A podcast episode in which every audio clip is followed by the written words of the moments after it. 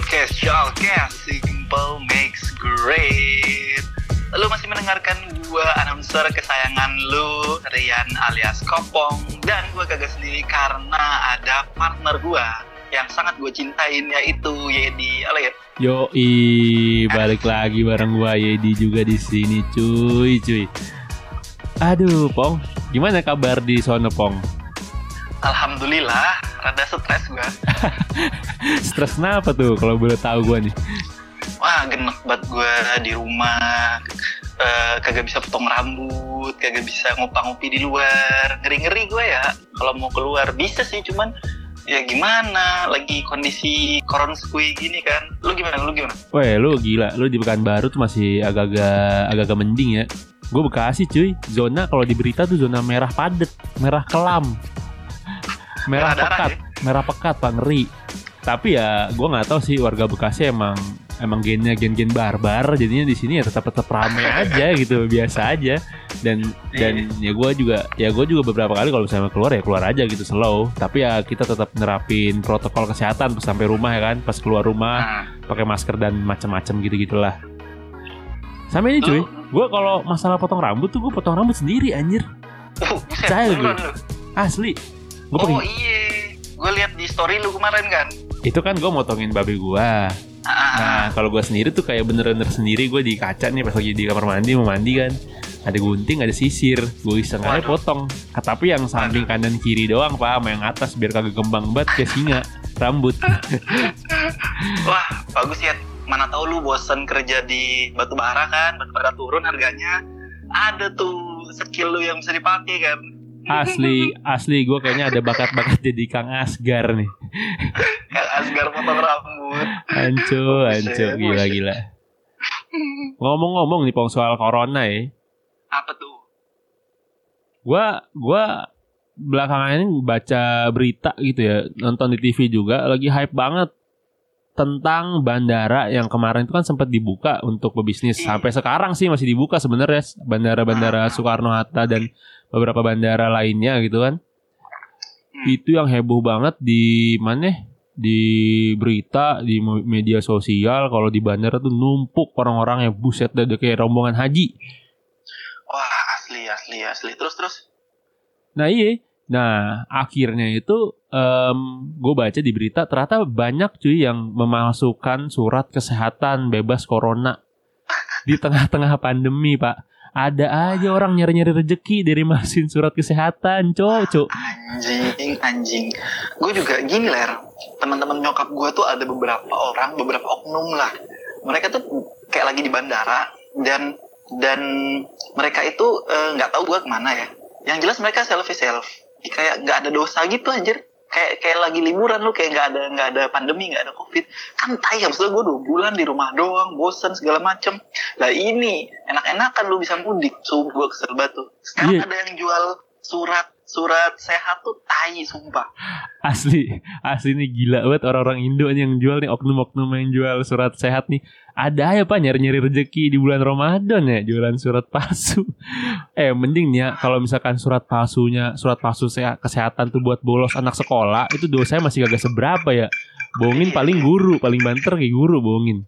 Lah ini bohongin satu Indonesia pak gawat banget ini. itu yang- ngejual sama yang ngebeli itu surat ya otaknya keluar tiap pagi pak. Jadi dia boker nih pera yang keluar tuh nggak cuma tai otaknya ikutan keluar sama boker ya. Anjing, anjing. Keluar barengan semua ya. Tiap ada aktivitas keluar keluar metabolisme tuh keluar semua tuh otak-otaknya tuh. Otaknya ikutan keluar jadi kosong di dalam. Terus otaknya tai tai. Iya kacau banget. Dan itu tuh kan ada ada beberapa rumah sakit ya. Dan paling gila itu ada bawa-bawa rumah sakit. Mungkin eh, ini rumah sakit cukup dibilang ternama ya. Di Bekasi itu ada dua pak Mitra Keluarga kalau lu pernah denger. Itu kan gede bukan sih? Gede pak. Gede banget itu. Di Ah. Bekasi ada dua tuh di daerah barat sama daerah timur. Jakarta kayaknya ada satu. Gue nggak gue nggak tahu deh kalau Jakarta. Cuman itu rumah sakit bisa dibilang eh, salah satu rumah sakit besar gitu. Dan itu dipalsuin pak dipalsuin. Wah edan. Udah edan anjing orang-orang. Edan hirupna edan anjir edan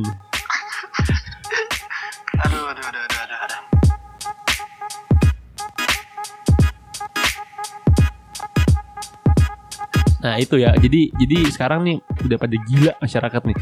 Sampai surat dibikin palsu. Nah lanjut nih ke berita kedua dari detik.com nih. Oke. Ini ini lebih chaos lagi nih. Nah, Ini gue jadi rajin baca berita gue lihat-lihat. ya gimana pak? Kita tengah-tengah pandemi, gue yang nggak bisa balik ke rutinitas gue di site di rumah aja ya. Gimana ya? Gue ujuk-ujuk jadi jadi demen baca berita gitu. Oke oke. Nah ini berita kedua dari detiknews.com ya kan. Ini ini berita asli. Maksudnya chaos banget ini anjing. Gimana gimana? Lu bayangin judulnya nih ya. Cewek berpakaian mini tiduran di jalan Pasar Minggu, Jakarta. Kata polisi, kondisinya mabuk. Bener-bener dah, bener-bener. Ini ini baru di bulan Ramadan. Di bulan suci Ramadan. Ini ini baru pak, masih hangat banget tanggal 15 Mei 2020 rilisnya nih berita. Itulah makanya kalau kata orang bijak nih ya, ada perbedaan tipis antara menikmati masa muda sama merusak masa muda. Nah ini cewek namanya merusak masa muda. Jadi kagak menik kagak menikmati nih ya. Iya, iya. bablas udah Ya, bablas yang- Iya, bablas. Yang gue bingung ini cewek nih ya. Udahlah di tengah bulan Ramadan ya kan. Iya. Udah Di mah tengah di, pandemi. di tengah pandemi corona yang bisa orang sampai mati.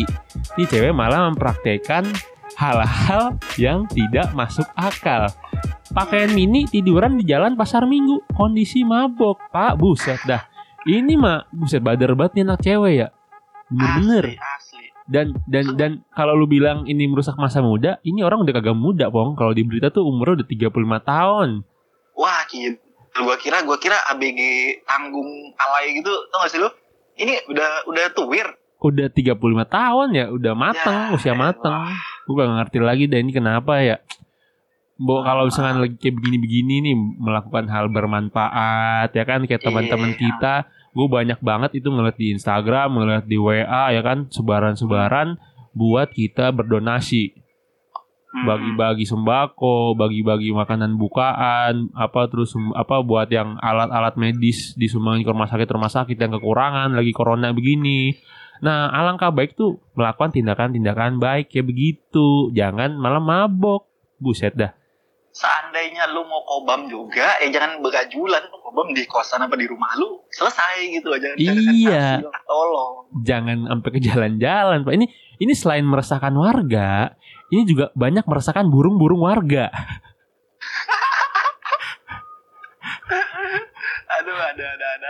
Mending nih daripada Mhm. daripada lu mabok-mabok, tidur-tiduran tengah jalan ya kan pakai baju mini. Mending nih kita berkelakuan baik. Contoh kayak donasi tadi. Sama yang kedua nih, berkelakuan baik kayak anggota dewan kita. Waduh, emang bisa berbuat baik tuh? Nah, ini ini berita yang cukup segar, berita Mhm. yang eh, bikin orang-orang pada bingung. Oke, oke. Apa tuh isi beritanya tuh? Gua kemarin baca di cnbcindonesia.com. Itu ada topik heboh banget, Pong.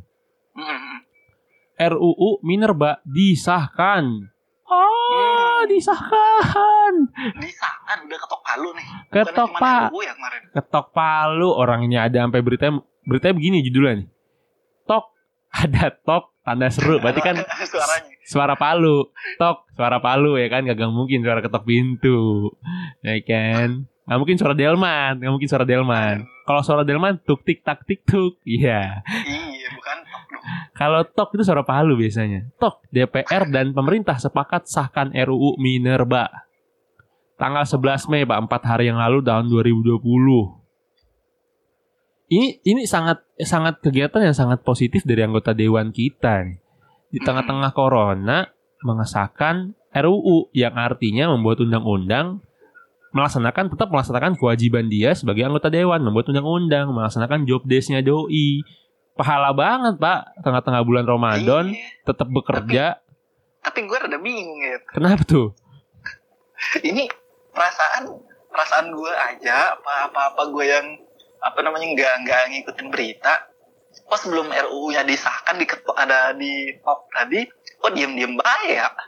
Kan maksudnya eh, orang-orang lagi lagi pandemi, lagi ngurusin tenaga medis yang sakit segala macam. Nah ini tiba-tiba nggak ada angin nggak ada hujan ketok palu RUU dan dan dan RUU yang disahkan ini bukan bukan RUU RUU HE gitu loh ini RUU Minerba cuy Iya. dan dan kenapa kok tiba-tiba? Ini ini udah lama direncanakan atau atau baru di baru dibahas terus langsung diketok apa gimana ya? Lu lu, lu punya ini nggak? Punya beritanya gak Nah, Apa ini. gimana sebelum sebelum kita semua pada negatif thinking sama pada para anggota Mm-mm. dewan, jadi gue juga sebenarnya bertanya-tanya begitu pong sama kayak lu, gue cari-cari lah nih berita ya kan. Ini sebenarnya urgensi dari si pengesahan RUU Minerba ini apaan gitu? Kenapa cepat-cepat banget? Gue juga sebelumnya kurang banget nih ngikutin ngikutin apa berita-berita model beginian nih Mm-mm. yang peraturan, undang-undang, aduh, jujur mah gue mager banget anjir ngikutin-ngikutin beginian. Ya kan, kita mah anak anak teknik senangnya mah gawe aja gitu, gawe-gawe keteknikan lah ya kan. Gak mungkin nih Eh, demen baca-baca hukum, baca-baca berita gini kan. Nah, cuman gara-gara gue nggak ngerti gara-gara lagi corona begini masih sempat-sempatnya ngesain RUU gitu jadi undang-undang baru Minerba yang menyempurnakan Hmm. atau mengganti undang-undang sebelumnya tahun undang-undang nomor 4 tahun 2009. Nah, ternyata di berita pun ini Pong banyak disebutin kalau urgensi pengesahan ini sebenarnya dibilang cukup kontroversial, ya kan? Mm. Orang pada ngurusin Covid, pada ngurusin corona, ya kan bakso sana sini ini malah bikin acara sendiri, bikin gawean sendiri, bikin eh memang gaweannya sih, bikin acara sendiri dia ngesain RUU Minerba. Oke oke. Karena karena gini Pong, kalau lu inget-inget nih tahun lalu nih bulan September, lu inget gak ada yang ah, demo puluhan ribu mahasiswa itu ada aksi besar-besaran. Nah salah satu undang un- apa salah satu RUU yang ditolak itu adalah RUU Minerba. Oh ini yang tahun lalu apa hashtag reformasi di korupsi bukan sih kejayaan memanggil? Iya yang macam-macam Ah. begitulah. Ah. Nah, itu oh, kan iya lalu sempat di Tapi demo. waktu itu masih RUU, RUU. Iya jadi ya itu Hmm. itu RUU Minerba itu salah satu yang di demo waktu itu. Oke oke ya. di ya, berita-berita yang santer kita dengar pada bulan-bulan September yang gua collect juga datanya nih. Nah, ini nih ada ada keterangan dari uh, Bapak Bambang Muryanto itu adalah wakil ketua Komisi 7 DPR RI ama dia itu wakil ketua tim yang uh, ngurusin undang-undang. Gue lupa nama timnya apaan sih. Kemarin ya. tuh Oke oke oke. Tatar gue cari lagi dah. Nah, beliau bilang kalau beliau tuh membantah bahwa DPR ini tergesa-gesa dalam mengesahkan undang-undang Minerba. Kenapa? Hmm. Kenapa ngebantah nih? Karena di- eh, beliau bilang RUU ini tuh udah disiapin dari lama, dari tahun 2016, 2016 sampai akhir periode tahun lalu. Jadi sebenarnya kalau berdasarkan tahun ya. berdasarkan sistematis kerjanya sih DPR ini nggak nggak tergesa-gesa karena mereka udah dari 2016. Cuman kan yang Hmm. mungkin ada di kalangan masyarakat yang awam nih kayak kita begini, itu kenapa nih orang pada terburu-buru nih wakil-wakil rakyat nih? Kenapa pada buru-buru banget lagi corona begini? Bukan yang ngurusin yang penting dulu malah ngurusin yang undang. Nah itu mungkin yang jadi intinya kali ya yang jadi pemikiran. Karena itu rame banget di media sosial di berita-berita itu rame banget. Bukan cuma masyarakat pong tapi ahli-ahli juga nyorot-nyorot ke situ Kalau kita mau husnuzon nih, mau, berprasangka baik ya sama anggota dewan kita yang terhormat, mungkin mungkin ya kan eh, sekarang lagi pandemi, terus harga minyak, harga batu bara, harga komoditas kan pada anjlok semua nih. Eh, perusahaan pada kocar kacir nih, jangan-jangan ini jangan-jangan doang ya. Ini sengaja dipercepat supaya dalam tanda kutip bakal membantu perusahaan-perusahaan yang bermain di bidang komoditas eh, bahan tambang dan mineral gitu. Mungkin.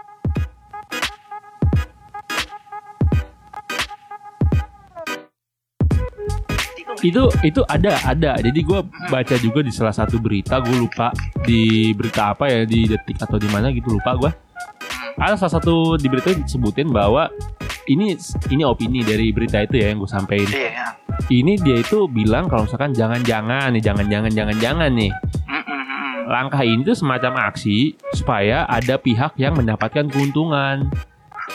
Ya at least gini kayak yang gue baca itu upaya nyelamatin si bandar-bandar tambang. Batu bara lah katakanlah iya iya. Karena kalau lu cari nih pong beberapa perusahaan gede batu bara yang eh, lu bisa cari lah di internet itu kontraknya itu bakal habis dalam tahun ini. Ada yang tahun ini ada yang setahun lagi ada yang dua tahun lagi. Si PKP 2 PKP 2B PKP 2B itu Oke. semacam kayak kontrak karya. Jadi perjanjian Hmm. karya pengusaha pengusahaan batu bara PKP 2B itu. Nah, jadi eh, ada yang curiga gara-gara pengen nyelamatin eh, apa perusahaan-perusahaan gede batu bara. Tapi kalau dari internal DPR-nya juga bilang kalau ini memang ya gue udah udah lama ngusahain ini gitu ya jangan lu jangan lu suzon gitu kita kita. Nah tapi terlepas dari itu semua ya maksud gua ya kita berdua mah ya udah gitu bagaimana lagi kan dari ketok Iya. palu? Cuman cuman kan gini gue pengen ngebahasnya nih ini menarik banget karena secara kita apalagi yang berkutat di urusan geologi kebumian pertambangan dan segala macamnya pasti eh, secara langsung maupun tidak langsung kan kepengaruh nih sama UU ini. Nah yang pengen gue tanyain ke lu ya kayak sebelumnya kan udah ada nih eh, undang-undang minerba juga. Terus kan digantikan dengan UU yang baru nih. Nah lu punya ini gak sih apa namanya perbedaan apa nih antara UU yang lama dengan UU yang sekarang? Bedanya nih di mana nih? Apa janjian sama aja gitu? Sebenarnya kalau kemarin tuh gue udah ngulik-ngulik juga kan pengen baca juga gue ya undang-undang lama sebelum bikin nih konten nih ini episode. Undang-undang nomor 4 tahun 2009 tentang si Minerba ini. Buset itu gue baca begituan kagak tidur seharian. Pong panjang banget pak. 84 halaman buset kata gue itu Iya, gue iya. baca sama gue baca yang barunya. Baca dari Oke. berita baca yang pemperbedaannya segala macam. Jadi ternyata ada 15 poin pong kalau dirangkum tuh ada 15 poin yang itu tuh ada, ada pembaharuannya. Kalau Oke. pasal yang diganti sih banyak seratusan berapa gitu. Cuman yang poin intinya itu ada 15 poin yang diganti. Tapi dari 15 poin itu gue lihat sih ada baik ada buruknya ya semuanya segitu kan ya. Kalau kata Hmm. prinsip-prinsip orang Cina mah yin dan yang. Ada hitam ada Aduh. putih ada baik ada kagak ya kan? Oke oke oke. Kudu seimbang. Nah gue baca sih ada ada baik ada buruknya. Dan ada juga yang memang menguntungkan buat kaum kaum yang kayak kita begini pong Hmm, hmm, hmm. kaum kaum yang eh, anak muda yang masih ngincer dunia perkariran buat karir ke Ah. depan segala macam itu ada juga bagian menguntungkan dari kita. Nah. Nah karena gini ya gimana apa gimana? namanya? Gue kanan kanannya pemikiran gue ya terus kanan kanannya pemikiran Chalkes gitu. Ya gue ngarepnya sih eh, eh, pemerintah sebagai regulator ya ya gimana selain mereka tuh menguntungkan pihak pengembang atau pihak perusahaan yang mana kalau misalkan perusahaan lebih untung lebih lebih cuan lah gitu kan otomatis orang-orang kayak kita gini ya kan juga ikut kepengaruh mungkin bukan bakal lebih banyak bukan kerjaan lebih banyak dan lu sebagai karyawan juga taraf hidupnya mungkin lebih improve dan sebagainya lah. Tapi di sisi lain, kanan-kanan kita gue juga masih mikir kayak impactnya ke lingkungan sekitar nih gimana? Impactnya ke warga atau ke pendapatan negara gimana? Nah itu yang pengen gue gua ulik nih dari UU ini. Ada positif negatifnya tuh di mana gitu loh. Jangan-jangan cuma nguntungin si si batu bara doang. Nah gitu loh. Iya iya iya ngerti gua ngerti. Jadi Hmm. ya itu juga maksudnya di ini uh, off the record kalau misalkan si undang-undang ini penuh kontroversial banget nih ya pengesahannya segala macam. Ki- gua pribadi nggak peduli itu karena ya udah terjadi, udah diketok palu suratnya Oke. si undang-undang udah nyampe presiden, tinggal ditantangan, habis itu udah sah, tinggal dijalanin ya. Hmm. Mau gak mau kita juga harus ngejalanin gitu kan, Pong. Iya sih. Sebagai Nah, pelaku- warga negara yang baik ya. sebagai pelaku industri dan organ negara gitu mau nggak mau kita harus jalanin juga. Nah, cuma ada beberapa poin dari RUU Minerba yang sebenarnya ini menarik buat gue bahas buat diskusi nih. Oh, yang apa tuh? pertama nih, Pong, terkait izin usaha, ya kan? Hmm. Jadi PKP 2B ini tuh dapat izin untuk memperpanjang kontrak tanpa lelang dan penciutan lahan. Jadi intinya kalau si kontrak lu habis itu diperpanjang.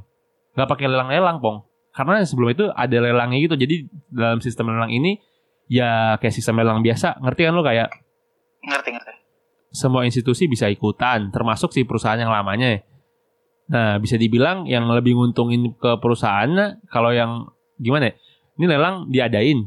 Nah, kan lelang itu bisa dievaluasi nih pemerintah ya kan? Yep. Dan yang namanya lelang ya kayak lelang-lelang pada umumnya gitu. Mau lu lelang jersey Chelsea ya kan, jersey Arsenal, mau lu lelang sampai perusahaan apa sampai area batu bara PKP 2 begini kan pasti prinsipnya sama ya kan? Yoi. Banyak-banyakan penawaran bagus, terus eh, nah siapa yang mau dipilih gitu nantinya sama pemerintah. Jadi Yang kalau misalkan bagus, yang paling efisien, yang paling menguntungkan lah, yang yang bakal diambil harusnya gitu kan. harusnya gitu. Nah berarti kan kalau lelang pemerintah punya kesempatan dong buat dapetin eh, harga yang lebih tinggi nih. Misalkan Iya. katakanlah ini area ini kalau dari opini gua aja nih ya. Hmm. Ini area berpotensi buat eh, entah itu mineral atau batu bara buat eh, nilai ekonomisnya kuat nih sampai 30 tahun yang akan datang misalkan katakanlah. Nah, ketika itu dilelang, pasti dong perusahaan-perusahaan yang ikut lelang pasti bakal ini, bakal wah, ini cuan gua nih. Ini cuan gua 30 tahun ke depan yang kudu gua dapetin nih. Pasti bakal harganya terus naik terus naik terus naik sampai ada yang paling tinggi dong nawarnya.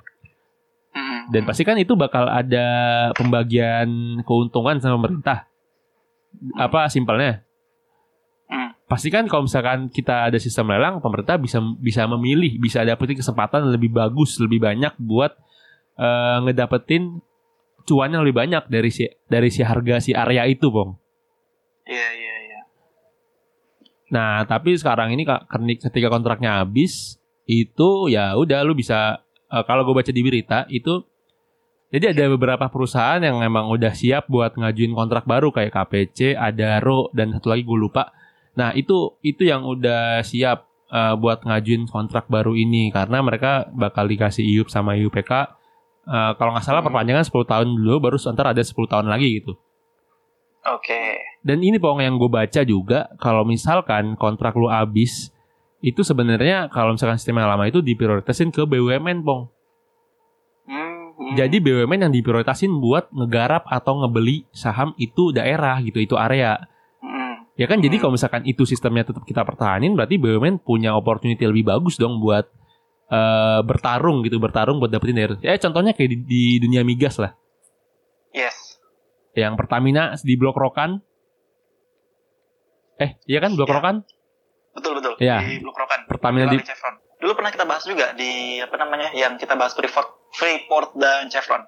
Iya itu jadi Ah. eh, harusnya bisa kayak gitu tapi ya karena ini berbeda gitu ya jadi Oke.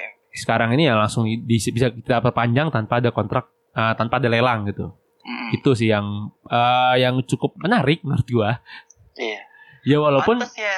walaupun digadang pantes digadang-gadang juga pong maksudnya sama pemerintah bahwa ketika ada sistem ini tuh pendapatan ke negara lebih lebih ba- lebih banyak gua nggak ngerti sampai segitunya sih tapi yang pasti Iya, ya itu perubahan yang salah satu yang bisa kita eh, lihat gitu jelas nyata gitu Hmm.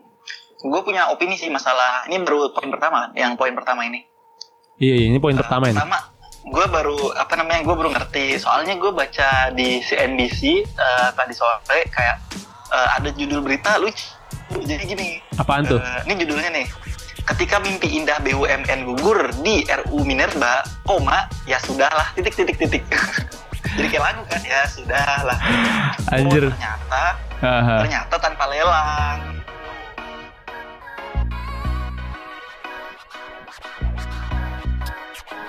Iya pak. Jadi ya itu tadinya kan si Inalum pasti kan yang ngambil bakal Inalum nih, Mm-mm. ya kan? Pasti bakal Inalum ya. Inalum nggak bisa berbuat banyak. Orang ini udah disahin gitu loh. Ya lu mau nggak mau sebagai BUMN lu ngikutin undang-undang gitu, ngikutin aturan yang ada ya. Lu nggak bisa berbuat banyak buat dapetin si area ini buat lu garap gitu ya. Hilang hilang udah opportunity dari BUMN. Cuman ya semoga aja dengan undang-undang si poin ini ya bisa nguntungin negara kita beneran gitu. Nah, itu ya.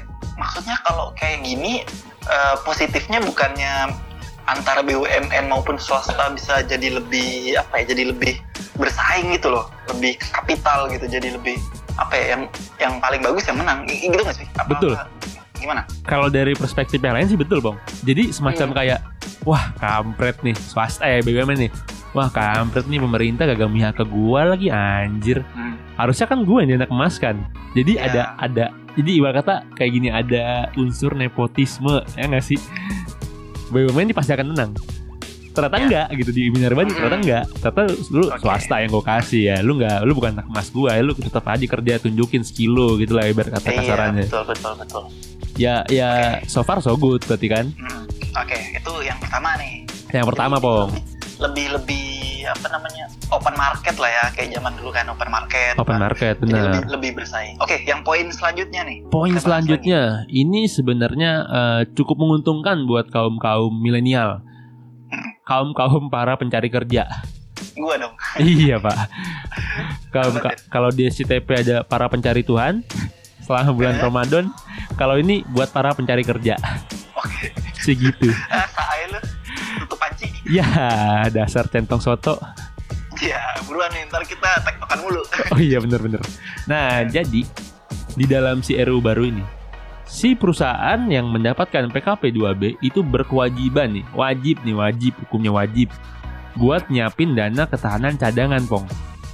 apa tuh Dana Ketahanan cadangan tuh eh, artinya tuh kayak gini, kayak lu lu punya harus punya tabungan deposit buat lu nyari cadangan baru eksplorasi pak.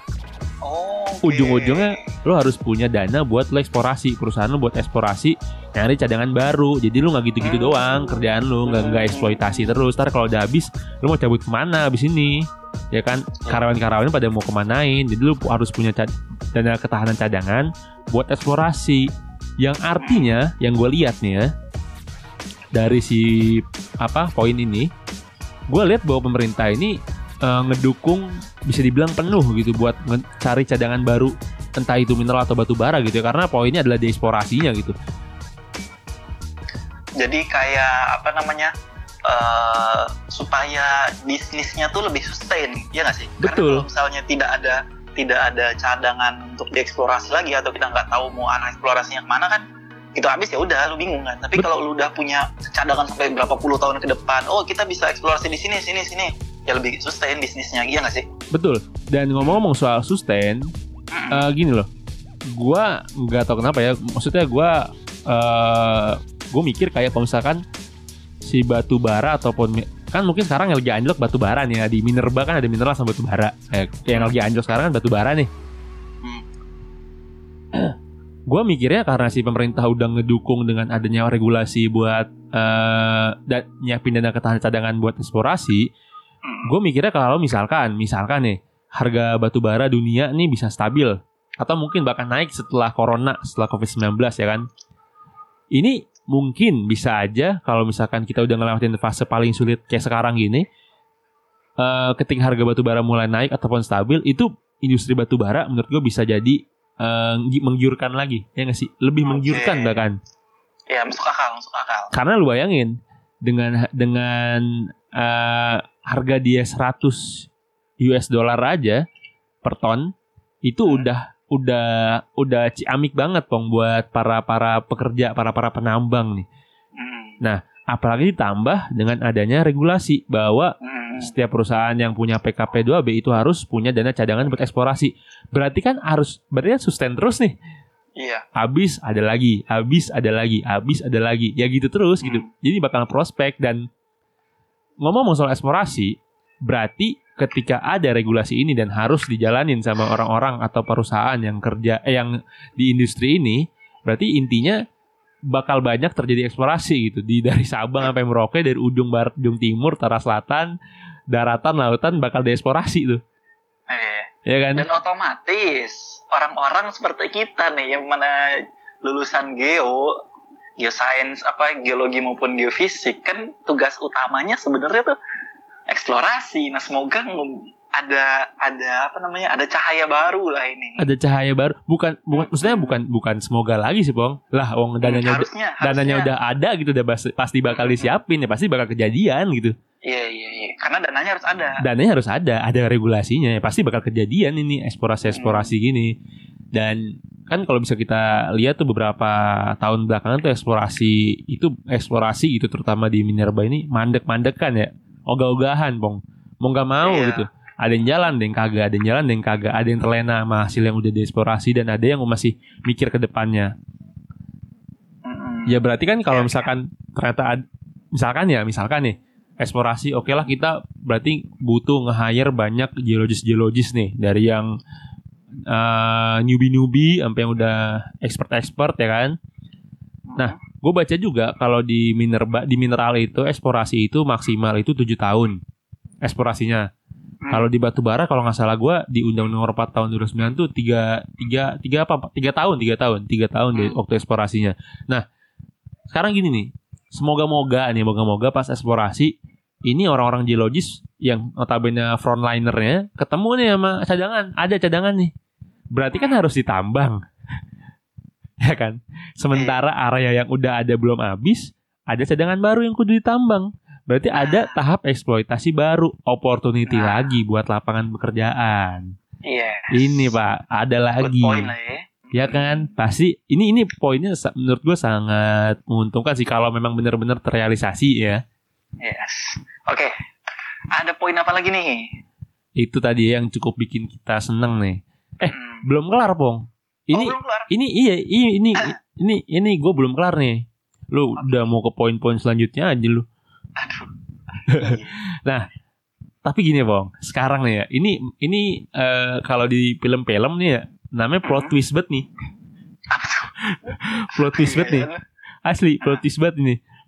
Ibarat kata, pemerintah ngedukung batu bara buat long life. Hmm. Batu bara energi kotor. Hmm.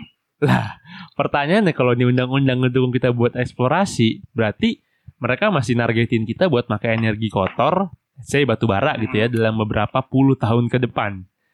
Iya. Pertanyaannya, ini renewable energy yang digadang-gadang bakal jadi pengganti, ke mana nih kabarnya? Iya ya. Nah inilah sejalan yang tadi lu bilang sejalan sama eh, organisasi yang organisasi yang telah kita kenal luas yaitu Greenpeace. Karena si Greenpeace bilang UU Minerba yang baru ini hanya untuk kepentingan pengusaha batu bara. Sejalan sama yang tadi kita bahas karena eksploitasi terus-terusan, terus perusahaan jadi lebih kompetitif dan sebagainya gitu loh. Eh, apa namanya? Sementara mungkin mungkin apa namanya eh, menurut mereka kepa- eh, UU-nya tuh tidak tidak tidak menyentuh permasalahan-permasalahan yang nyata di lapangan dan juga mungkin tidak menyentuh masalah-masalah lingkungan kayak gitu. Gue dapetnya dari dari Kompas sih apa namanya ininya gitu yang mereka si Greenpeace ini bilang. Dan lu tahu kalau Mhm. itu kan kata si Greenpeace nih ya, Mm-mm. gue juga baca nih maksudnya akhirnya karena ada muncul pemikiran ini dari gue gue gue jadi kepo nih. Gimana sih maksudnya perkembangan renewable energy di Indonesia nih sekarang tuh udah sampai mana sih? Yang lu banyak banyak bacot tentang renewable energy sekarang udah sampai mana nih? Nih apa Mm-mm. perkembangannya gitu. Ternyata gue baca di Jakarta Post Mm-mm. itu investasi sektor renewable energy tuh masih rendah banget pong. Lu bayangin dah lu bayangin nih. Hmm. total produksi listrik nasional 100% nih di negara nih. Renewable energy dari energi panas matahari cuma 1.7 persen pak. 1.7 persen. Sementara Indonesia Indonesia itu tropis. Matahari tuh ada sepanjang tahun. Nggak bakal hilang tuh matahari. Kalau malam doang hilang. Tapi cuma 1.7 persen. Gue baca Jakarta Post begitu tuh. Kalau lu nggak percaya lu bisa cari aja deh. Nah terus juga di artikel ini juga bilang di berita ini kalau dominasi dari energi-energi kotor yang ramah lingkungan ini tuh baru berakhir di tahun 2050 pak. 2050 Iya iya. berarti iya. berapa tahun lagi tuh 30 tahun 30 lagi lagi.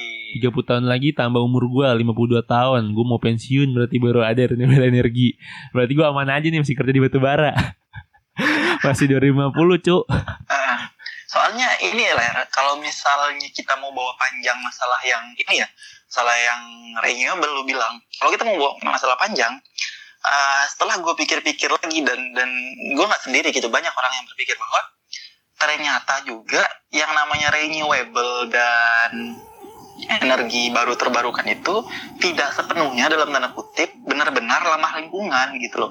Karena apa? Karena eh, carbon footprint yang mereka hasilkan baik itu mau dari solar panel atau dari mobil tenaga listrik atau sebagainya gitu ya itu masih jauh lebih tinggi dibandingkan fossil fuel gitu jadi intinya apa gue bukan bukan berarti gue tidak mendukung apa namanya tidak mendukung eh, EBTKE energi baru terbarukan cuman gue di sini kayak apa ya kayak ngebuka dua perspektif lah gitu yang satu, satu sisi emang lebih lebih baik secara langsung gitu. Dalam artian lu gak menghasilkan CO2 terlalu berlebih ke atmosfer. Dan juga lebih keren kan lu bawa Tesla dibanding bawa Toyota pasti lebih keren Tesla dan sebagainya dan sebagainya.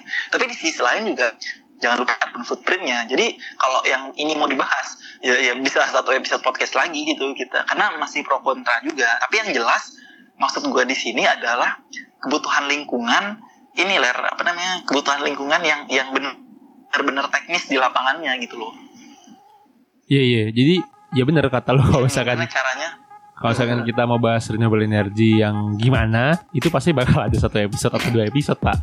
Karena panjang banget, Iya, gue iya, yakin benar. panjang banget ini. panjang banget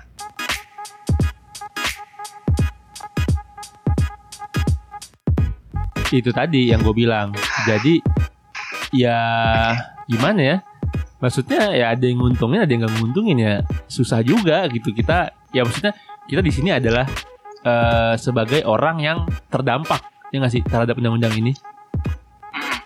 Ya kalau dari analisis kita kan ya, ya untuk di sektor batu bara itu sangat menguntungkan di minerba, tapi di renewable energi ya dari Jakarta Post bilang masih 2050 ya kan. Tapi tapi ini juga Pong, gue ngeliat peluang juga. Maksudnya itu kan baru sekedar di artikel sampai 2050. Mungkin bisa lebih cepat, mungkin bisa lebih lambat ya nggak? Tergantung juga. Mungkin itu juga ada opportunity buat lu padan yang masih pada kuliah atau lu yang udah lulus itu lu mau ngajuin S2 itu ada opportunity banget buat lu pelajarin tentang eh, EBTKE energi baru terbarukan renewable energy karena pastinya bakal laris sih di masa yang akan datang sekutu buat buat jadi salah satu destinasi S2 cuy Iya sih, benar-benar. Dan, dan dan jangan lupa, ini ini kayak dari gua masalah ini sih, kayak eh, berkembang atau enggaknya EBTKE energi baru terbarukan ini, EBTKE nggak sih? Bener kan? iya bener-bener Nah ya, EBTKE ini bakal terwujud selain dari regulasi pemerintah itu tergantung dari masyarakatnya.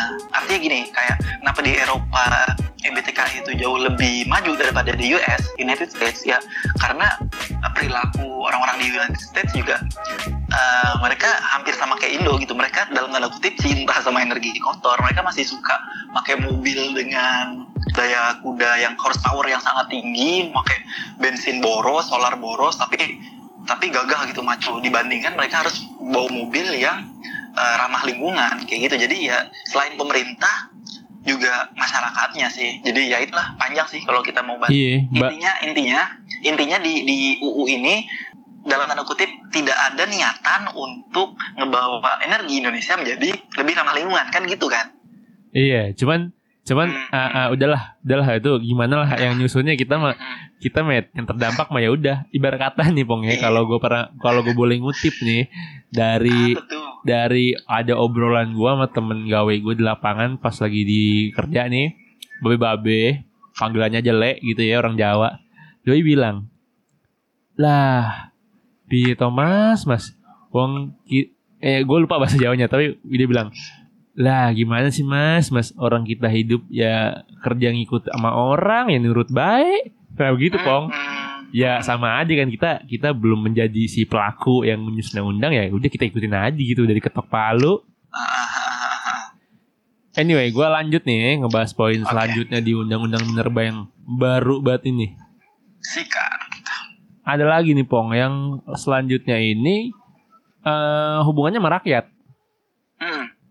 Ada WPR atau wilayah pertambangan rakyat yang semula itu cuma dikasih jatah nih pong Hmm. luasannya itu kalau lu WPR wi- wilayah pertambangan rakyat kayak di sungai-sungai kayak di ada di Merapi ya tau gak sih lu Hmm. di Merapi yang terus yang emas-emas yang lu apa ayak-ayak gitu. Nah, itu tuh Hmm. yang tadinya cuma dikasih jatah luasan cuman eh, luasannya 25 hektar sama kedalaman 25 meter. Sekarang sama pemerintah di Undang-Undang Minerba yang baru itu ditambahin, Pak. Jadi tahu jadi berapa? Tambahin 4 kali lipat. Luasannya jadi 100 hektar, kedalamannya jadi 100 meter. Wah gila itu cuy. Itu gede banget anjir. Gede banget, Pak. 100 hektar sama 100 meter buat skalanya pertambangan rakyat. Hmm. yang yang artinya kalau misalkan gue lihat berarti ini lebih bakalan jadi lebih mirip banget sama eh, korporat-korporat gitu ya nggak sih kalau luasannya sampai segitu Iya iya iya. Kayak gue kaget anjir 4 kali lipat itu. dua dari 25 hektar yang cuma seiprit sampai 100 hektar. Dari 20 meter sampai 100 meter dikasih sekarang terbaru. Ya meskipun ada ya balik lagi sih prinsip yin dan yang ya kan? Ada positif dan ada negatifnya. Kalau gue lihat sih ini apa si pemerintah juga maksudnya ketika udah ngasih undang-undang tentang yang baru ini perluasan daerah dan kedalaman menurut gue ya ngawasinnya juga kudu kudu ekstra bong maksudnya nggak main-main loh ini Iya. 100 meter ke bawah sama 100 meter luasannya itu kan maksudnya nggak mungkin mbak nggak mungkin banget nih lu gali 100 meter ke bawah masih pakai cangkul pak masih pakai sekop Ah, ya nggak sih banyak banyak regulasi yang harus menyesuaikan ya. Ah, dan pastinya si tambang rakyat ini pasti bakal masukin alat-alat berat ya nggak Mm-mm. nah berarti kalau misalnya lu udah masukin alat-alat berat poinnya adalah lu harus aware nih sama yang namanya safety faktor keselamatan ya nggak? Ah, nggak mungkin lu eh, lu kerja barbar ya kan? Asal dapet jual terus tiba ada meninggal kecelakaan kerja. Nah itu yang jadi positif menurut gua ya nantinya ke depannya mungkin dengan adanya dikasih lahan sebegini luas sama pemerintah kepada masyarakat gitu ya itu bakal ningkatin eh, awarenessnya masyarakat sama safety gitu. Jadi lebih ada nanti mungkin gambaran gue bakal ada edukasi ya ke tambang-tambang lokal masyarakat buat awareness Gua tentang punya- safety gini. punya perspektif gini lah perspektif gua masalah yang ini yang tadi lu bilang. Eh, pertama itu eh, artinya si katakanlah rakyat walaupun ya kita tahu yang punya tambang itu juga haji-haji gitu kan. Tapi katakanlah rakyat itu diberikan kesempatan yang yang jauh lebih besar sehingga mereka bisa bersaing sama swasta yang modalnya itu raksasa gitu loh. Jadi jadi lebih lebih terbuka lah persaingan. Dan dan dan biar si rakyat ini dapat mengekspan bisnis tambangnya gitu loh. Sesimpel itu. Sesimpel itu. Jadi jadi diberikan kesempatan yang lebih lah sama pemerintah. Tetapi di di ujung mata pisau yang lain di sini yang gue sorotin balik lagi masalah lingkungan sih. Artinya ketika lu gali 100 meter ke bawah itu banyak banget yang bakal pengurusan amdalnya gimana terus masalah lingkungan air tanah dan kestabilan sebagainya. lereng ya kan? Kestabilan lereng betul. Apakah nanti si rakyat-rakyat ini bisa mengkeep up sama yang kayak gue bilang tadi penyesuaian regulasi karena kan udah nggak main-main gitu loh. Oke lah dalam artian lu bisa ngembangin ekonomi lu tapi lu harus juga bisa ngembangin eh, keamanan lu, lingkungan lu dan dan dampak ke apa namanya dampak ke masyarakat sekitar dan ini yang jadi menarik karena ketika yang tadi cuma 25 hektar menjadi 100 hektar lu bayangin berapa lahan yang harus dibebaskan gitu loh. Nah ini ini ini gue ini ini barusan gue kepikiran pong. Ah, anjing. Iya juga ya kalau serat- kalau 100 meter ke bawah sih gak ada yang punya tuh lahannya kan di bawah mah bodo amat.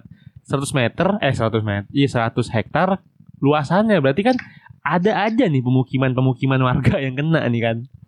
Iya iya. ujungnya konflik lagi ya kan tapi ya gini ya tapi ya ta- namanya juga tambang gak mungkin gak jauh-jauh gitu dari konflik. Pasti ada aja. Pasti pasti. Pasti ada aja. Dan gua nggak tahu mungkin pemerintah juga pengen lihat persaingan antara korporat sama warga tambang rakyat nih buat nyelesain konfliknya gimana sih? Barangkali nanti ada kontes gitu kan ada kontes penyelesaian konflik. Nanti siapa yang paling mantep skillnya nih metodenya itu dipakai pak buat jadi standar nasional. Curiga gua gue tambahin gini dah pak dum anjing. Aduh ya kan? Iya sih jadi jadi kontradiktifnya itu lucunya eh, mau mengembangkan tambang rakyat tapi nanti si rakyat ini bakal berantem sesama rakyat karena masalah lahan pasti. Nah, dan antara rakyat sama rakyat pasti ada satu penguasa sama gento-gentonya. Nah ini, iya. Ini pak yang seru nih. Eh, kita kita nantikan lah ya gimana Kita sih, nih kita simak aja, kita simak aja kita deh. simak lah Barangkali kalau ada sesuatu yang eh, meriah terjadi, barangkali jadi konten lagi buat kita nih. nah ini jadi kagak pusing nyari materi Bisa kita bahas obrolin lagi. Aduh, aduh, aduh. Aduh, Tapi aduh. kalau dari segi miningnya nih, Pong, kalau misalkan si eh, wilayah tambang rakyat ini dilebarin sama didalemin, berarti mau nggak mau si rakyat ini harus menerapkan yang namanya satu prinsip tambang, Pong, good mining practice atau GMP. Pernah dengar kagak lo? GMP pernah pernah Jadi Barusan pas lu bilang anjing. Barusan banget dong. Jadi GMP tuh kayak pas operasional pas operasional tambang lo kayak namanya juga good mining practice gitu ya. Jadi intinya tuh kayak gini, kayak lo dalam nambang itu harus terencana dengan baik, harus taat sama peraturan, harus peduli sama unsur ketiga, sama gitu-gitu dah pokoknya. Jadi good mining practice. Jadi jadi selain ada awareness juga selain ada persaingan juga nanti sama ada juga eh kaidah good manipulasi yang harus diterapin gitu ya kan Iya. cuman kalau gua rasa sih eh poin satu ini dari perubahan si undang-undang kalau gua lihat memang ada segi positifnya nih buat para anggota dewan sama pemerintah Apa tuh? nambah PR sama gawean mereka cu. Jadi buat nge-seleksi ini kan harus bener-bener dong Iya. pasti.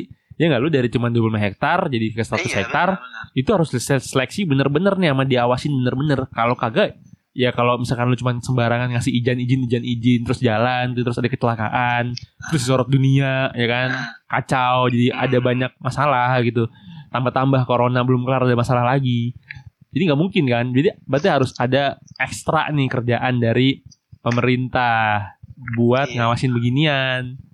Nah barangkali kita ada gitu pemerintah pengen ngerekrut kita ya. Bisa lah ya. aduh. Ya, ya itu. Jadi jadi balik lagi yang ke gue bilang bakal banyak apa namanya regulasi yang disesuaikan. Ya kita pantau lah. Lah iya kalau kagak diawasin gawat. Bener pak. Gawat ini 100 hektar sama 100 meter bukan main-main pak. Gawat. Hmm.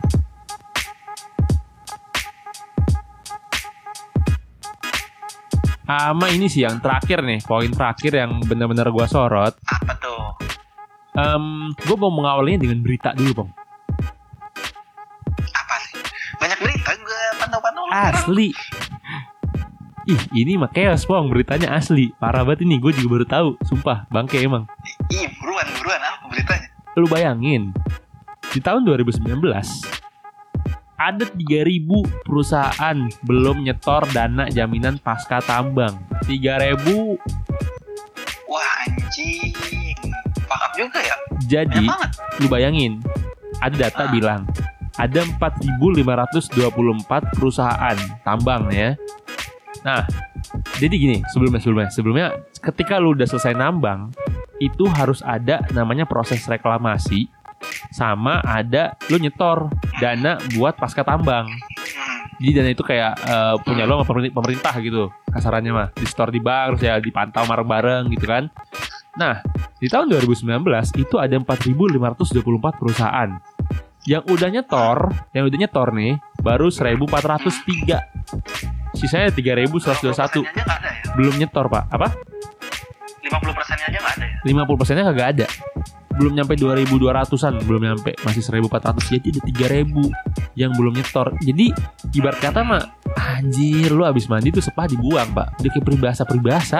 iya Akhirnya gue nggak ngerti. eh, ini maksudnya eh, emang diubah apa dikuatin ya? Gue lupa juga nih yang di undang-undang lamanya.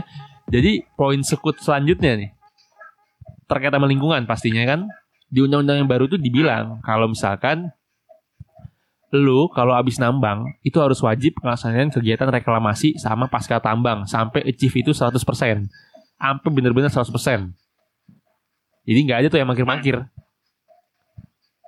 Hmm. tapi yang tapi bukannya U yang lama juga kayak gitu ya? Harusnya kayak gitu ya kan? Makanya ini gue masih bertanya-tanya nih gue masih agak-agak bingung juga nih di poin ini nih. Kenapa kenapa kenapa sekarang itu eh, baru di 100% gitu? Kayaknya yang lama tuh seinget gue ya seinget gue 100% juga ada apa ini lebih tekanin apa gimana gue nggak ngerti. Cuman yang pasti ya tadi by data itu di tahun lalu bulan Juli 2019 beritanya itu ada tiga ribuan perusahaan yang belum nyelesain dana pasca tambang. Dan itu banyak banget pak. Gak nyampe setengahnya coba. Hmm. dan ya semoga ya ya gue sih harapannya semoga aja maksudnya bener gitu. Di poin ini memang benar-benar ada pengawasan benar-benar ada punishment ketika ada si perusahaan yang nggak nenatin gitu karena bisa dibilang kru- krusial sih bang maksudnya lu udah nambang udah ngeruk udah ngerusak lingkungan tapi lu nggak balikin lingkungan itu at least bukan jadi kayak semula tapi jadi ya better lah daripada acak-acakan gitu Iya, karena yang lihat gua lihat ya, yang gua kalau masalah lingkungan jadi rusak dan segala macam itu pasti lah ya. Itu nggak usah kita bilang juga orang udah tahu.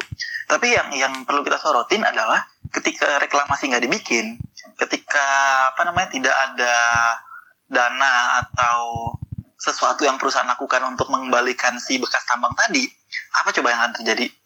Konflik sosial lagi, karena pasti konflik sosial sama warga di sekitarnya gitu loh.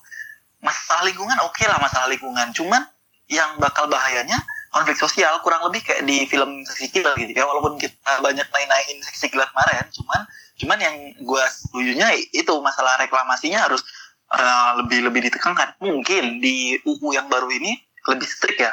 Jadi nggak ada yang mangkir-mangkir lagi tuh nanti tuh. Ketika konflik sosial terjadi gara-gara reklamasi ya yang terjadi apa? Rakyat atau ya rakyat lah rakyat Indonesia jadinya makin sensi sama tambang. Kalau makin sensi sama tambang, kepercayaan rakyat kepada perusahaan tambang dan ke pemerintah jadi berkurang. Nanti isu-isu seperti di film balik lagi film Sexy Killer itu bakal lebih tajam gitu loh. Padahal Padahal si tambang ini seperti yang kita proyeksi tadi sampai 2050 baru tergantikan sama renewable energy. Itu pun kalau jalan lancar. Kalau enggak bisa extend tuh kan. Nah, kalau sampai 30 tahun ke depan konfliknya masih sama gara-gara nggak dilaksanain, ya makin runcing aja apa namanya konflik yang terjadi di lapangan. Nah ini makanya gue sorotin karena terkait sama kepercayaan uh, rakyat kepada tambang dan pemerintah itu satu. Dan yang kedua, yang lu ceritakan perusahaan lu tuh bagus kan masalah reklamasinya ler. Perusahaan si ownernya, maksudnya maksudnya ah, dari perusahaan, dua perusahaan owner gue itu maksudnya masih ah, aware banget sama masalah reklamasi ini. Nah, itu kenapa? Kalau menurut gua, itu gara-gara lu kerja di owner yang raksasa, yang besar gitu loh. Ngerti gak sih maksud gua? Kalau yang rawan untuk terjadi penyelewengan ini kan tanda kutip perusahaan haji-haji, bener nggak? Um, mungkin bisa dibilang bener iya. Apa, apa asumsi gua juga? Gini gini, uh, sebenarnya sih kalau gua lihat ya, maksudnya uh, ada alasan devil sama ada alasan angel, bong. Apa tuh? Jadi kalau alasan eh, alasan angelnya adalah ya gue peduli sama lingkungan di perusahaan gue udah aware sama lingkungan. Tapi alasan devilnya adalah karena mereka takut tambangnya di stop. Itu aja udah. Oh, karena kan okay, pasti okay. selalu ada inspeksi dong dari dari lingkungan hidup, dinas lingkungan ah. hidup, dari SDM pasti ada seleksi eh seleksi, Enggak, inspeksi. Yang, yang, yang gue tanyain tuh gini lah, maksudnya kan perusahaan besar yang mana mereka punya modal yang kuat, punya punya manajemen yang bagus untuk melaksanakan ini reklamasi. Gimana kalau perusahaan yang kecil-kecil? Apakah mereka juga ada ada kaitannya nggak reklamasi ada. sama perusahaan itu gede apa kecil? Nah, ada. itu maksud gua. Ada pas kalau menurut gua lu, asumsi gua asum lu tuh perusahaan apa, apa, apa. Bisa, bisa aware banget sama lu tuh kenapa perusahaan lu bisa aware sama banget sama reklamasi karena kan mereka gede manajemen bagus modal kuat gitu nah yang jadi masalah nanti kan perusahaan yang kecil-kecil perusahaan tanda kutip haji-haji ini loh yang yang bakal memperkeruh suasana. Nah itu loh maksudnya. Jadi intinya dari ucapan gue adalah ya, balik lagi pemerintah harus meregulasi lagi, terutama apa namanya terutama terkait dengan tambang rakyat yang kecil-kecil ini tadi. Jangan sampai perusahaan yang gede-gedenya itu udah udah bagus dalam reklamasi, nanti yang tambang rakyatnya ini malah gagal reklamasi gitu loh. Iya, ibarat kata mungkin maksud lu uh, si tambang-tambang yang kecil uh, menurut lu nih maksudnya duitnya tuh habis buat operasional gitu-gitu ya. Iya, karena Iya sih benar-benar. Jadi ya maksud gua harus ada regulasi baru atau tambahan bisa dibilang kali ya. Buat menselaraskan iya. itu gitu dari perusahaan gitu sama perusahaan hmm. Ada ada nah. ada ada segmentednya, ada segmentasinya kali ya maksud lu. Iya. Bener bener bener karena itu tadi sih bener juga kayak yang yang lu bilang gitu ketika yang atas udah ngelaksanain dengan baik dan benar no isu lah ibarat kata yang bawa-bawa nih masih pada cerek masih pada iya. kucing-kucingan gitu loh. Ya kan? iya benar kan juga benar juga. yang kena impact ketidakpercayaan rakyat kepada tambang kan nanti yang kena impactnya global. perusahaan. Global sama perusahaan hmm. bener bener bener. Gila gila. Hmm. ini kita jago juga dalam beropini begini ya. Seneng banget nih gua. Aduh. Iya karena kita opini gitu loh. Karena kita kan juga lihat berita kita juga lihat kondisi di lapangan. Ada lu ada gua yang sebelas apa yang sedikit banyak tahu lah kondisi di lapangan gitu kan. Dan menurut jadi jadi, jadi opini kita kuat gitu dan menurut gua juga as a geologist gitu ya maksudnya gue masih menyebut diri gue geologist walaupun gue bukan geologist gitu. As a geologist kita ya maksudnya ini adalah industri yang bakalan kita masukin gitu kan yang akan kita masukin ke depannya. Dan kita kita nyari duit nyari makan dari situ gitu ya mau gak mau sih menurut gua gua jujur aja tadi itu mager banget gua ngikutin-ngikutin berita begini gitu ya. As long as gua udah di kerjaan gua udah gua udah tahu nih teknis-teknis apa segala macem gua mager banget ngikutin-ngikutin beginian. Dan untuk dan itu juga gara-gara gue males terus gue lihat kok kisruh ya kan? Kalau lagi corona malah malah begini-begini nih pemerintah DPR ya kan? Ada aja nih DPR suka bikin kita suka banget bikin kejutan gue rasa. Iya. suka Nah. main kejut-kejutan asli. Akhirnya gue kepo pong. Ya itulah dari Hmm. kekepoan gue itu. Jadinya gue ngikutin ya kan? Ternyata dari undang-undang nomor 4 tahun 2009 sebelumnya itu ada lagi pong yang di, kita pakai zaman dulu banget itu undang-undang nomor 11 tahun 67 cuman gue masih belum dapet sih kopiannya. Jadi Hmm. gue baru baca yang di undang-undang nomor 4 tahun 2009 sama yang ada perubahannya ini. Dan gue saranin buat lu yang lagi dengerin ini gue saranin mungkin kalau lu geologis geoscientist lah mungkin kita nyebutinnya ya karena lebih luas artinya. Itu alangkah baiknya sih kayaknya kalau lu ngerti ngikutin berita dari industri lu lu baca regulasinya itu bakal lebih worth it sih menurut gua. Bakal lebih Dan terpakai sih. dan gini apa namanya walaupun Chalkes ngebawain materi ini kan tapi jangan dianggap Chalkes itu kayak wah ini wawasannya luas oh ini bagus oh ini enggak. Enggak cuy. Masalah yang gini lu sebagai mahasiswa geologi geofisik atau apa pun geoscience ya emang harus aware sama hal-hal kayak gini gitu. Ngerti gak sih? Lu tuh jangan jangan cuman jangan cuman deskrip batu atau ngafalin ngafalin apa namanya deret bawaan doang tapi isu-isu gini mau nggak mau lu harus ngerti karena biar memperkaya hasanah lu dan membuka perspektif lu sih betul betul betul karena kalau karena gini sih gue ngeliat kalau misalnya kita ngerti nih kayak gini jadi kan kita semacam punya opini pribadi kita tentang gimana sih nih industri 10 tahun 20 tahun lagi Iya. Nah, itu juga yang nentuin karir kita nih, kita mau berpijak ke mana nih. Ya kan, mau shifting, juga kan. mau shifting ke orang-orang yang udah di gempar-gempar kemarin, Iya, iya, iya. apa mau tetap jalur Anda sebagai geologis. Iya, iya, iya, iya. Jadi ya itu sih pesan gue bagi yang denger ya hal-hal kayak gini ini bukan hal-hal yang wow yang emang harus lu tahu dan paling enggak lu aware gitu loh.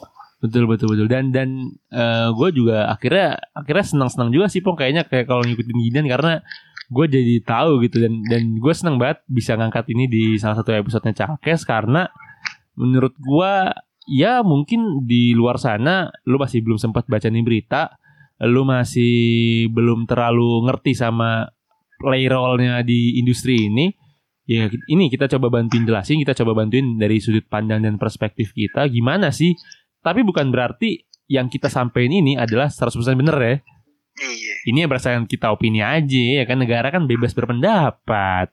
Yo, demokrasi cuy. demokrasi. Lain kita ngomongin aja berdasarkan berita nih kita komen kita ngobrol.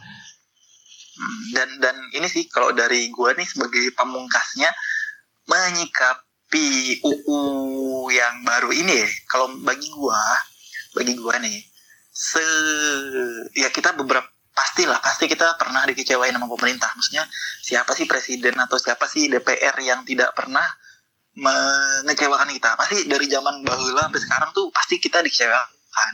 Tet- akan tetapi pasti kecewanya kita itu juga apa ya mereka tuh pasti ada niat baiknya gitu loh. Niat baiknya bikin apa pun peraturannya gitu loh pasti. Cuman eh, apa namanya cuman yang jadi masalah gimana pun peraturannya apa pun peraturannya ketika peraturannya tidak dijalankan. Nah itu yang jadi masalah besar. Ngerti gak sih? Walaupun kita kecewa sama kecewa sama suatu peraturan nih tapi peraturan yang dijalankan dengan dengan baik dengan benar pasti ada manfaatnya ada aja manfaatnya. Yang mungkin kita juga belum kepikiran gitu tetapi yang salah adalah ketika peraturan udah dibuat mau apa pun itulah mau RUU kayak eh mau UU Minerba kayak mau ini kayak mau itu kayak mau PSBB kayak mau apa pun ketika itu nggak dijalankan nah itu yang salah gitu jadi maksud gua ya karena ini nggak udah diketok palu kan ya jadi kita beropini boleh mau setuju silahkan mau nggak setuju juga oke cuman ya kita harus sama-sama menjalankan dan harus sama-sama kita pahami gitu. Supaya apa? Walaupun kita nggak di pemerintah tapi paling nggak kita bisa bersuara dengan kita uh, ngikutin hal-hal kayak gini. Kita bisa berpendapat kalau ada yang salah kita bisa berpendapat kalau ada yang tidak dijalankan sebagaimana mestinya. Dari gue itu sih. Ya setuju. Dari gue juga sama aja lah kayak lu. Juga intinya itu aja sih gue ya kata-kata pamungkas gue sebenarnya sebelum lu ngomong itu udah pamungkas gue sih anjing padahal kita nggak briefing nih nggak briefing sebelum recordnya Iya, jadi ya yang namanya peraturan, jangan lu bertindak kayak quotes-quotes yang ada di Tumblr sama di Twitter, Pak. apa tuh peraturan dibuat untuk dilanggar. Bah, bangsat. Kucing. Ini orang udah capek-capek nih. DPR biar kata eh, bikin kita terkejut gitu di bulan ini, bikin tiba ngeresmiin undang-undang. Ya tapi eh, salah satu apresiasi kita terhadap kerja mereka adalah mereka udah garap ini dari 2016 Pak sampai sekarang gitu. Ya dan udah diketok palu ya mau nggak mau kayak lu bilang ya kita jalanin sebagai warga negara yang baik gitu. Toh kalau ada salah juga ya pasti ada salah gitu ya. Nanti bakal bisa kita kritik dengan apa apa itu caranya dengan kita masing-masing gitu. Gimana caranya lu lah lu boleh kritik lewat media sosial, lu mungkin bisa bikin podcast, lu bisa bikin YouTube, dan lu bisa ngasih juga aspirasi lu kayak apa gitu. Dan Iya. di sini podcast Chalkes juga eh gua mau kopong gitu ya, sama Lala juga yang nggak bisa ikutan hari ini. Itu ya kita kita bertiga eh, kuliah geologi dan ya at least ya otomatis kita geologis gitu kan.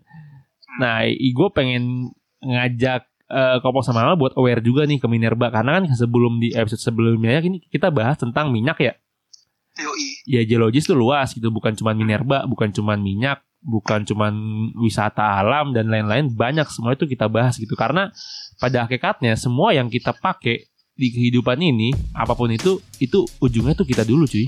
Eh ujungnya awalnya. Awalnya tuh kita dulu cuy. Awalnya kita dulu. mau nyari apa Gi? Tonton, make apa Gi? Kita dulu yang nyari itu. Jadi ya alangkah baiknya lu uh, aware juga sama berita-berita global begini. Dan terakhir kalau misalkan kalau misalkan ada yang pengen lu sampein juga terkait RUU Minerba ini lu bisa langsung email ke Calkes nanti bakal kita bahas juga di Calkes Beropini kayaknya sekut ya kalau kita bahas Calkes di Beropini nih ya. Ikut setelah Nanti lah. kelar kita bikin Chalkes Bro ini ikut. Iya cuy, nanti kita bakal bikin Calkes Beropini tentang episode ini di Rabu depan, tungguin aja.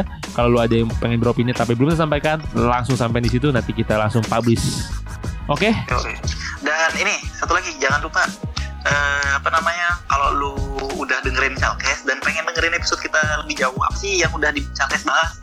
Eh, apa namanya podcast-podcastnya apa aja sih yang udah pernah dibahas? Lu bisa langsung cek ke Spotify kita SoundCloud atau kunjungin websitenya aja. Infonya lengkap di sana. www.chalkes.wixsite.com slash podcast. Ada di deskripsi linknya. Lu langsung klik aja. Gitu. Sama juga tiap minggu itu Calkes di Instagram tuh juga punya beberapa konten yang wajib lu ikutin. Yang pertama ada Calkes beropini itu tiap Rabu. Lalu kalau misalkan kita eh, lagi inget nih ada Throwback Thursday di hari Kamis. kalau ingat Kalau inget. Dan yang paling eh, ciamik itu adalah Sunday Setup. Yoi. Jadi Calkes beropini itu biasa kita ngelemparin eh, beberapa ide. Nah nanti ide itu kita pengen denger nih dari lu kayak gimana sih lu bisa nge-reply nanti kita repost dan kita eh, balas nih opini lu dengan opini kita. Jadi kita semacam balas-balasan pantun kayak orang-orang Betawi. Sekut. Kalau throwback Thursday itu biasanya kita nge-reshare episode- yang udah pernah kita bikin sebelumnya setahun yang lalu, dua tahun yang lalu kita reshare lagi biar lu pada misalkan masih pengen dengerin itu bisa loh ternyata kita diakses lagi. Nah yang terakhir Sunday Setup. Nah Sunday Setup ini adalah eh, ini kopong yang nge-reveal dapurnya Calkes saat mau bikin podcast dari apa namanya dari peralatannya, toolsnya, softwarenya, cara ngedit soundnya, entah apa pun itu bakal di review sama kopong di situ. Itu tiap hari Minggu dan udah gua highlight di eh, profil home-nya Instagram Calkes at Calkes lu bisa lihat dari yang awal banget kita bikin Sunday setup sampai yang paling baru. Good. jadi Sunday setup itu Chalkes buka-bukaan lah gitu dan Iya. bakal berguna banget buat lu yang pengen bikin podcast juga jadi lu serap aja karena Chalkes ini senang berbagi orang Asik. Kita nih seneng banget bagi-bagi gini. ya enggak? dapur Aduh. dibuka-buka loh Dapur dibuka-buka pak Soalnya kemarin ada juga Pong yang nge-reply pas kita bikin Sunday Setup Itu bilang kalau eh, Bang ini dong Sunday Setup di highlight Makanya kan dulu-dulu nih belum ada Sunday Setup gue highlight di profilnya Calkes Nah akhirnya gue ubek-ubek tuh apa story-story kita udah lama tentang Sunday Setup Gue highlight semua buat lu semua di situ ya. Oke. Oke gitu aja kali ya. Nah gue udah haus? Gitu aja kali. Nah ini udah malam juga besok kita masih puasa. Dan oh ya gini mungkin ini episode terakhir sebelum lebaran kali ya. Oh iya bener mungkin gua di sini eh, Yedi sebagai calkes dan juga kayaknya kita bak wakilin Lal- Lala juga ya mengucapkan minal adin wal faizin mohon maaf dan lahir, lahir dan batin semoga puasa tahun ini lu mendapatkan pahala yang berkah buat yang menjalankan dan lebaran kali ini lu bisa sehat-sehat aja dan buat lu yang nggak bisa balik ke rumah tetap semangat aja karena pasti bakal ada saatnya lu bisa balik ke rumah amin amin amin Yaudah, cabut ya. Oke. Cabut ya. Terima kasih banyak.